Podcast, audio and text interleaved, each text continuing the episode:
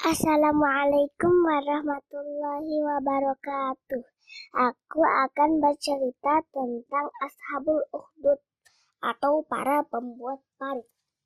Kita mulai ya. Ada seorang raja yang mempunyai ahli sihir kepercayaan, tapi ahli sihir itu sudah tua. Raja ingin mencari penggantinya.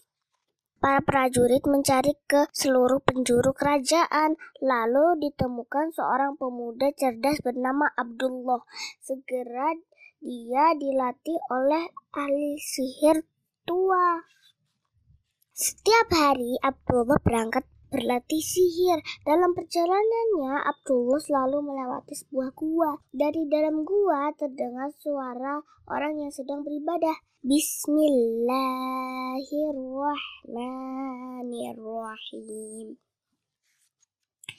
Lama-lama Abdullah merasa tertarik.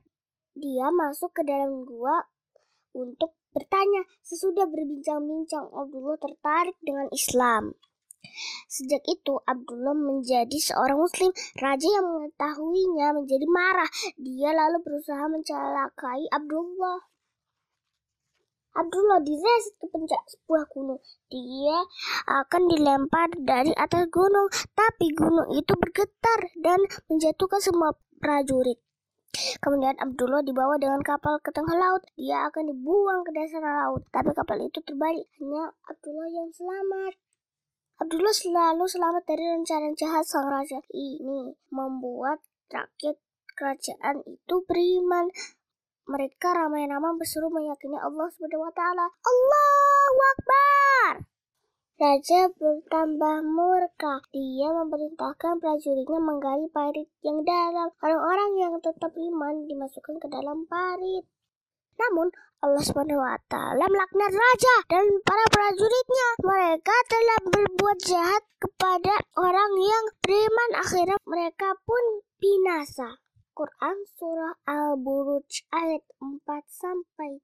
Dan artinya binasalah orang-orang yang membuat parit itu yaitu para pembesar Najran di Yaman yang berapi yang mempunyai kayu bakar ketika mereka duduk di sekitarnya, sedang mereka menyaksikan apa yang mereka perbuat terhadap orang min dan mereka menyiksa orang-orang mukmin itu hanya karena orang-orang mukmin itu beriman kepada Allah yang Maha Perkasa, Maha Terpuji yang memiliki kerajaan langit dan bumi dan Allah Maha menyaksikan segala sesuatu. Sungguh, orang-orang yang mendatangkan cobaan, bencana, membunuh, menyiksa kepada orang-orang mukmin laki-laki dan perempuan, lalu mereka tidak bertobat, maka mereka akan mendapat azab jahanam dan mereka akan mendapat azab neraka yang membakar.